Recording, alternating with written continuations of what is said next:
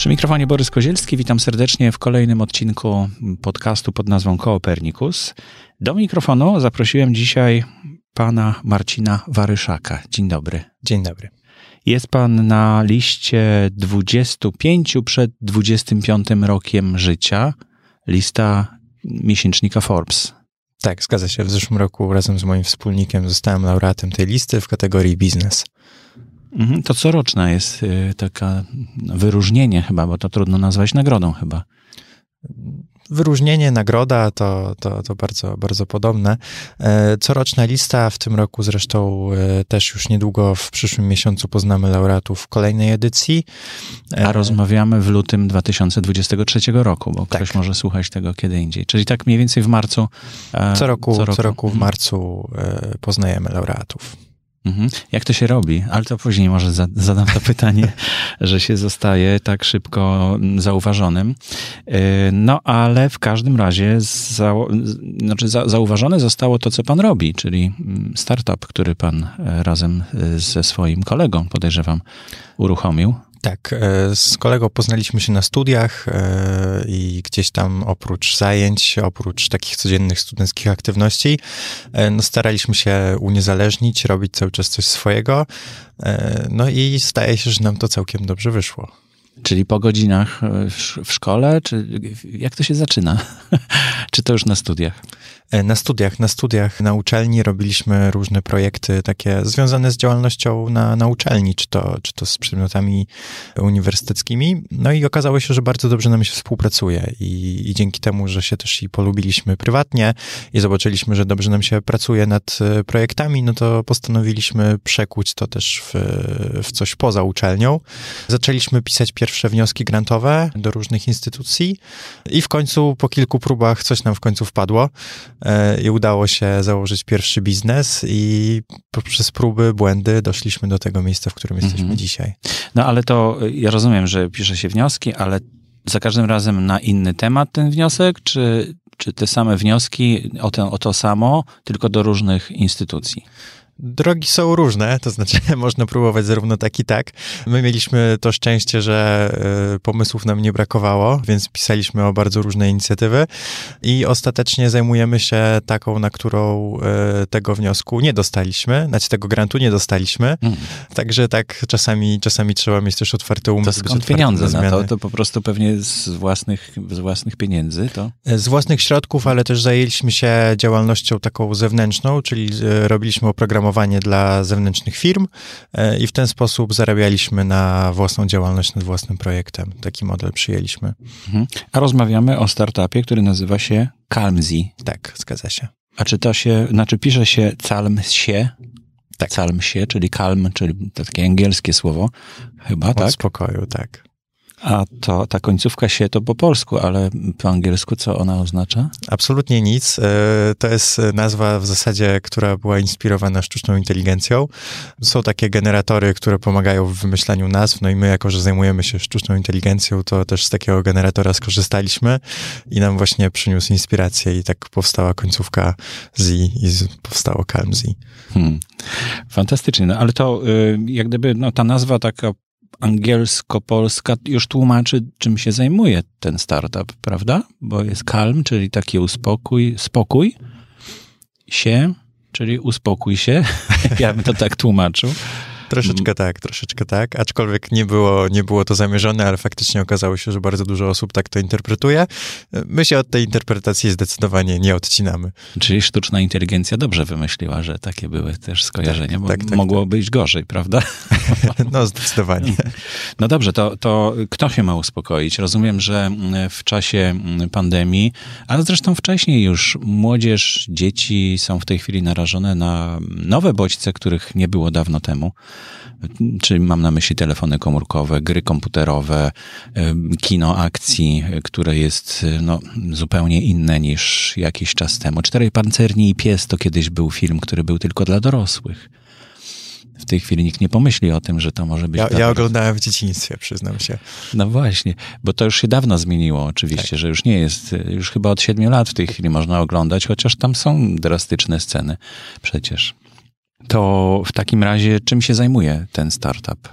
E, w tej chwili zajmujemy się zdrowiem psychicznym dzieci i młodzieży. E, stricte skupiamy się na grupie wiekowej 8-12 lat.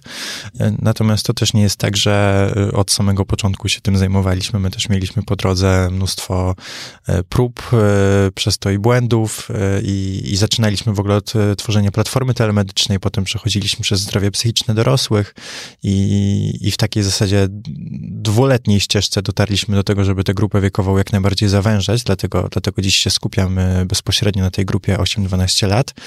I postanowiliśmy tak troszeczkę zacząć rozwiązywać problemy od wewnątrz. To znaczy, uświadomiliśmy sobie, że nie odetniemy dzieci młodzieży od technologii, nie odetniemy dzieci młodzieży od smartfonów i trzeba spróbować zadziałać tak, żeby nauczyć dzieci korzystać z tej technologii odpowiedzialnie, żeby przekazać przez technologię jak najwięcej wartości i poprzez technologię dotrzeć do naszych odbiorców z jakimiś pozytywnymi treściami.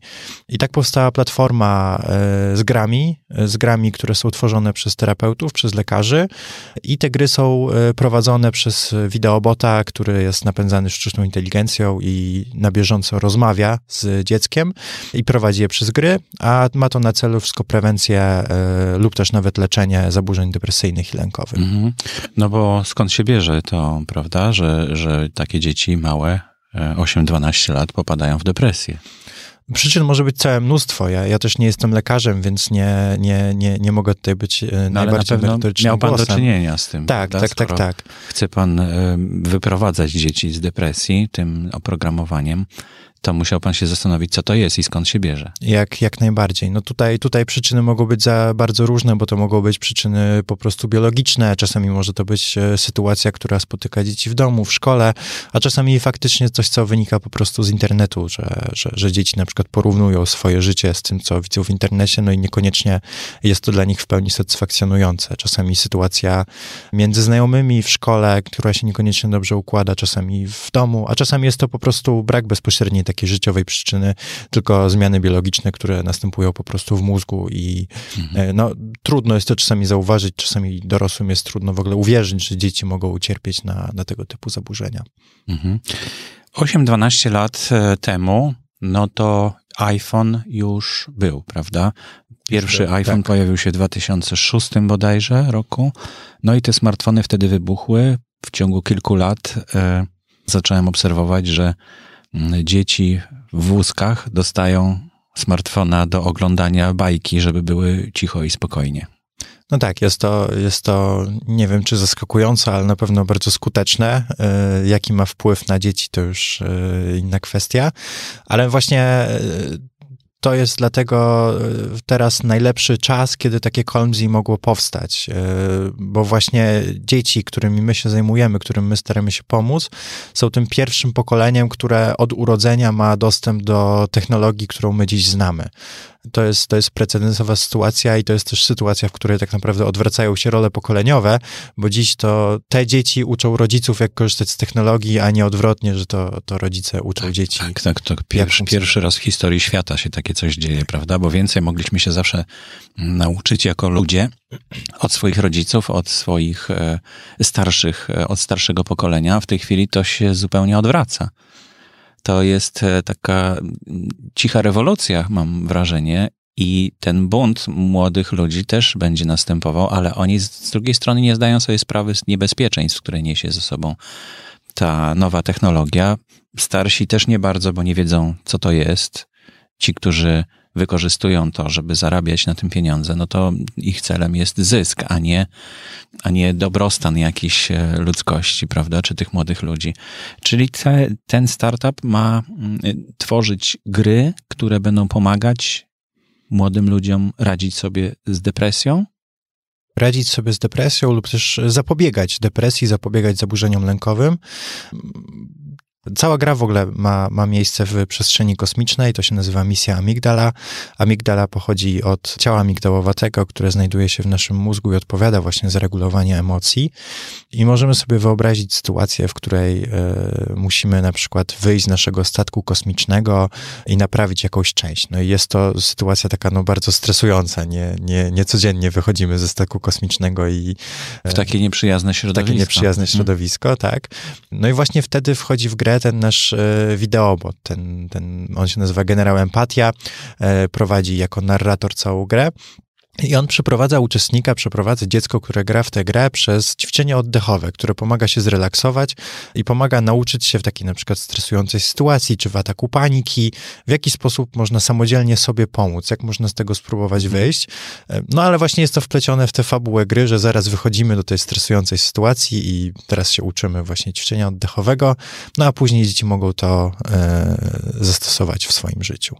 Mhm. A to bardzo ciekawe takie przejście z gry komputerowej do rzeczywistości na zasadzie doświadczenia, którego nabieramy podczas grania w tę grę. Tak, tak, tak. A później już na przykład sam schemat naprawiania e, tego statku kosmicznego wykorzystuje podobne schematy, jakie występują w grach, w które dzieci grają na co dzień. U nas mamy, mamy całą radę doradczą złożoną także z dzieci, które nam na bieżąco doradzają, w które gry lubią grać i, i podobne schematy stosujemy później u siebie.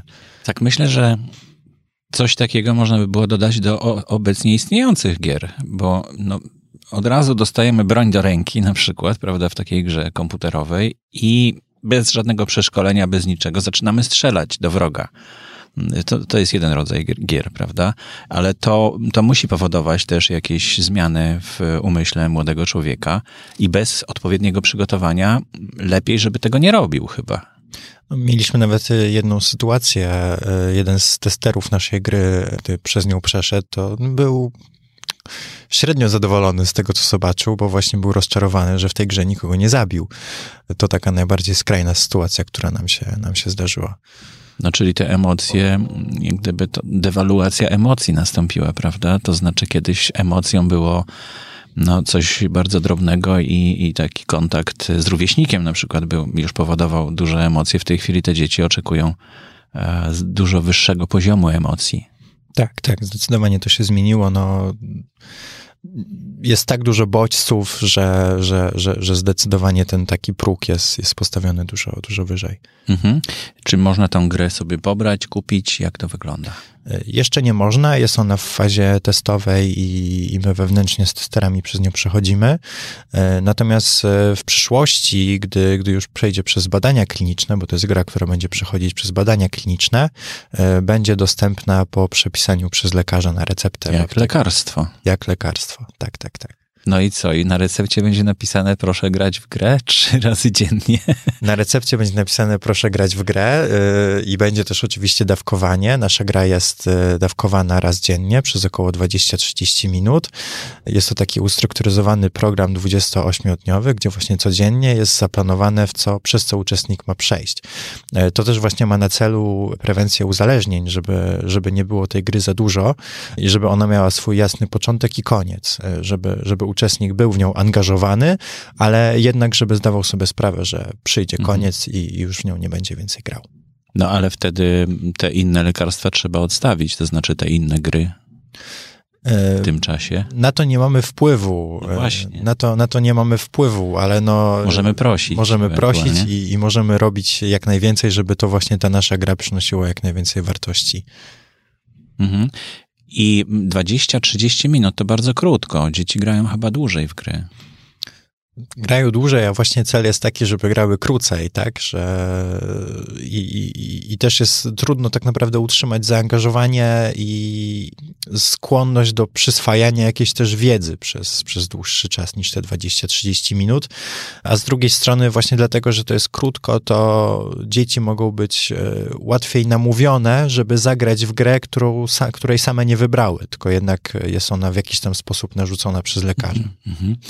Rozumiem, że te gry to nie jest wirtualna rzeczywistość, tylko taka gra na ekranie. Gra na ekranie, natomiast e, w przyszłości mamy plany, żeby również e, rozszerzać to wirtualną rzeczywistość, czy nawet rozszerzoną rzeczywistość. Czyli taki metavers już będziemy wchodzić powoli. Jest to bardzo prawdopodobne. No, natomiast to są ścieżki jeszcze, jeszcze wieloletnie.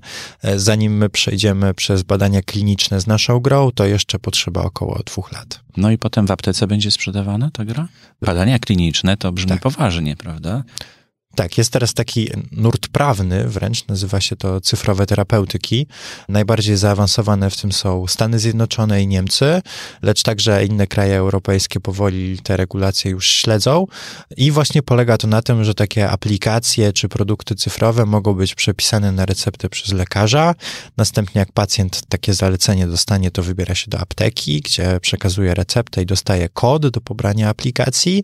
I ta aplikacja pobiera i właśnie ma tam również dawkowanie tej aplikacji, kiedy, w jaki sposób ma z niej korzystać. Czy dzięki temu, że to jest aplikacja cyfrowa, będziemy też wiedzieć, czy pacjent korzystał z tego lekarstwa, czy nie, czy regularnie, czy nie.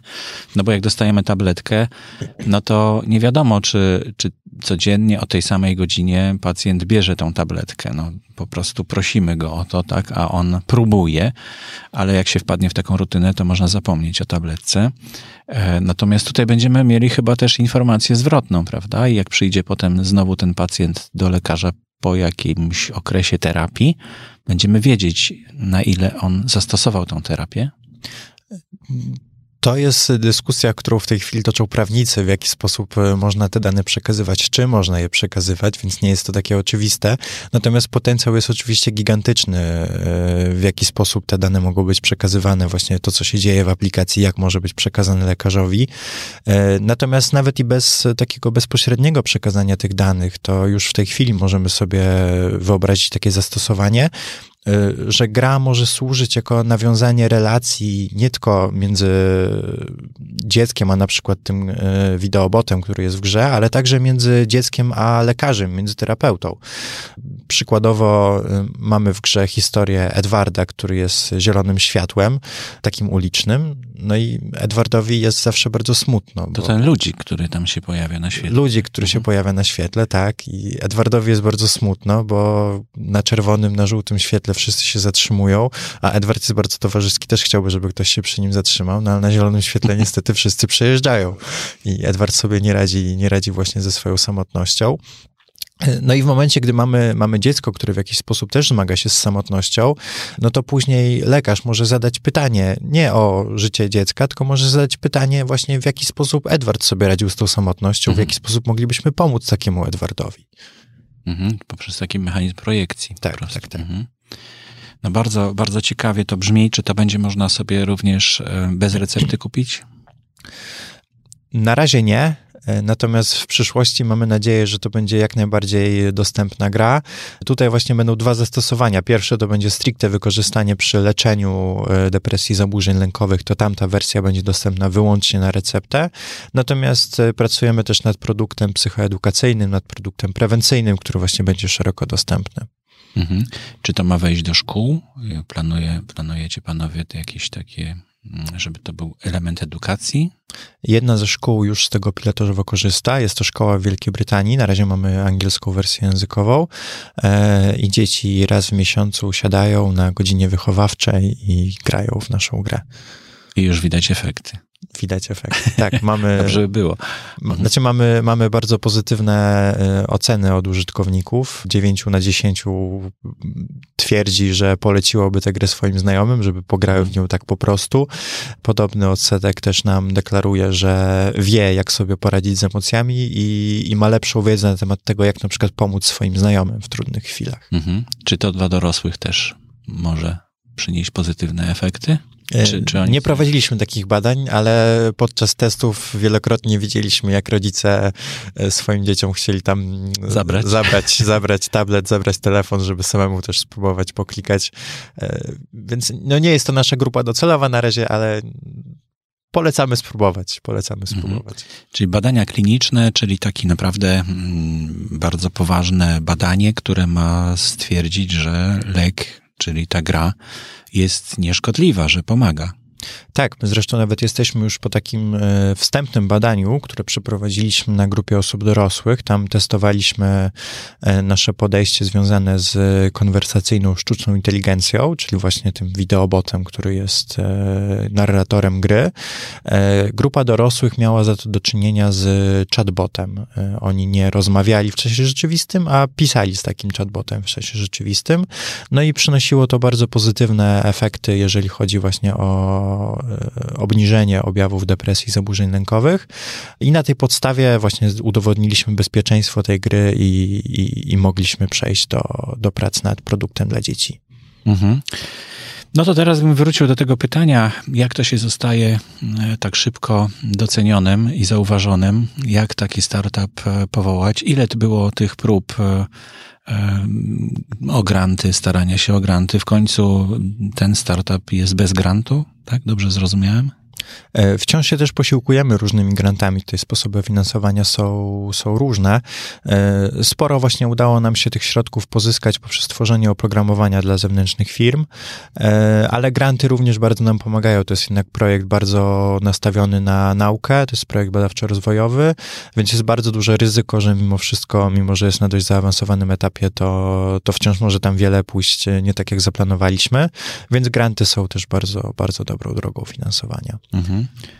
Czyli, bo z tego, co pan mówił, to wynika, że najważniejsze jest spotkać tego drugiego człowieka, z którym dobrze się rozmawia i można takie rzeczy planować. Zespół jest zdecydowanie. Drugiego, kluczowy. trzeciego, tak rozumiem. Tak, drugiego, trzeciego następnie, tak. Czyli ważne, żeby trafić w to środowisko, w którym znajdą się tacy ludzie których będzie można znaleźć. Tak, tak, tak, tak. Zdecydowanie tak. To, to, to po pierwsze stworzyć naprawdę dobry zespół i pomysł ma wtedy znaczenie drugorzędne. To my, my się też tego nauczyliśmy, że nasze pomysły, mimo że były bardzo dobre, to naszym zdaniem oczywiście, to niekoniecznie zawsze były dobrze przyjmowane przez rynek. Dlatego też mieliśmy w swojej historii sporo, sporo zmian. Właśnie zaczynaliśmy od zdrowia psychicznego dorosłych, przechodziliśmy przez różne próby produktów dla firm, produktów dla użytkowników indywidualnych. I czy to rzeczywiście tak jest, że na 100 prób to jedna wychodzi, czy to jest mniejszy odsetek? Jak to wygląda? My mieliśmy prawdopodobnie szczęście, bo tych prób nie mieliśmy 100, a pewnie około 50, więc poszło nam może, może lepiej niż statystycznie, ale, ale tak, trzeba, trzeba podejmować mnóstwo prób, trzeba się liczyć z tym, że będzie mnóstwo odmów, mnóstwo porażek po drodze, ale no jakaś tam zawziętość, upartość i, i, i właśnie ten zespół, w którym się jest, to, to, to wtedy przekonuje, że jednak warto, warto iść dalej. Czyli w zespole rozumiem, że opracowuje się strategię, pomysł na grę, na przykład w tym wypadku, w, tej, w wypadku tej gry, a kwestie techniczne, czyli takie oprogramowanie i programowanie tej gry, to już i wideo, i, i grafikę i tak dalej, to wszystkie rzeczy to już ktoś inny robi w tym Czy to też, to też tworzy nasz zespół, to, to też od tego zatrudniliśmy no, światowej klasy specjalistów tak naprawdę. Ja się śmieję, że moja praca to takie trochę bycie klejem, gdyż ja nie jestem ani informatykiem, ani, ani lekarzem, ale właśnie sklejam tych informatyków i lekarzy w jednym miejscu, motywuję ich do pracy i i, i, jakoś staram się, żeby to, to dzięki temu z dnia na dzień szło o krok dalej. To jakie studia pan skończył? Jeszcze nie skończył pewnie, tak? Skończyłem. Skończyłem już matematykę i ekonomię. Dwa lata temu się obroniłem z obu, z obu tych kierunków. Zresztą podobnie jak, jak mój wspólnik. Mhm. A jak pan trafił w ogóle? Bo to, to dziwny kierunek na matematyce, żeby planować takie rozwiązania, bo to bardzo praktyczne, to co pan robi w tym startupie. Natomiast matematyka jest taka bardzo teoretyczna. Matematyka jest bardzo teoretyczna, szczególnie na, na Uniwersytecie Warszawskim, to, to tym się właśnie charakteryzuje. I może właśnie dlatego, może to była właśnie taka nasza odskocznia, że od bardzo abstrakcyjnych teorii przeszliśmy do, do rozwiązania, które może mieć tak zastosowanie u podstaw. Mhm. A jak pan poznał swojego kolegę właśnie też na tym samym kierunku, w tym samym... Na tym samym kierunku, on podobnie jak ja studiował zarówno matematykę, jak i ekonomię, więc mieliśmy dużo przedmiotów razem, więc jakieś tam e, projekty, które były realizowane w ramach przedmiotów, to też robiliśmy często razem. No i odkryliśmy, że, że dobrze nam się współpracuje, że idzie to za każdym razem do przodu, wzajemnie się motywujemy i to, to zdecydowanie było najważniejsze na naszej drodze. No, mi tutaj brakuje bo matematyka, ekonomia, okej, okay, natomiast brakuje mi tutaj filozofii, bo musiała gdzieś być. To nie da się tak bez tej filozofii, ale na studiach jest filozofia, prawda? Matematyka jest w pewnym sensie filozofią, mm -hmm. tak bym to określił. Na, na wie, wielu matematyków historycznych było także filozofami, także chyba każdy z nas jest w ten sposób troszeczkę filozofem. No trzeba się zastanawiać, po co to się robi wszystko, tak, prawda? Tak, tak. To w takim razie cyfrowi ratownicy będą ratować w przyszłości dzieci, e, będą tworzyć oprogramowanie, czy Czy planuje pan, czy właśnie myśli pan, że raczej należałoby współpracować ze wszystkimi, którzy produkują takie gry na przykład? Bo tam są zawsze cyferki, także od 18 lat, czy, czy, czy, czy tutaj myślicie o tym, żeby wejść na rynek, który już istnieje, czy tylko będziecie tworzyć nowe swoje rzeczy? Współpraca jest zawsze bardzo cenna. Tutaj przede wszystkim jest taki know-how, osoby, które już bardzo dużo gier w życiu stworzyły, firmy, które bardzo dużo gier już stworzyły, no mają e, wielkie doświadczenia, z którego jak najbardziej trzeba korzystać. My też mamy grono doradców właśnie z takich firm, które tworzą mhm. E, gry światowej klasy e, i czerpiemy z ich doświadczeń. To jest dla nas bardzo cenne także przy rozwijaniu. To oni powinni z waszych doświadczeń czerpać też. Chyba. No mamy, mamy nadzieję, że ten transfer wiedzy pójdzie w dwie strony. Mhm. Bardzo dziękuję. Pan Marcin Waryszak był moim gościem. Dziękuję bardzo.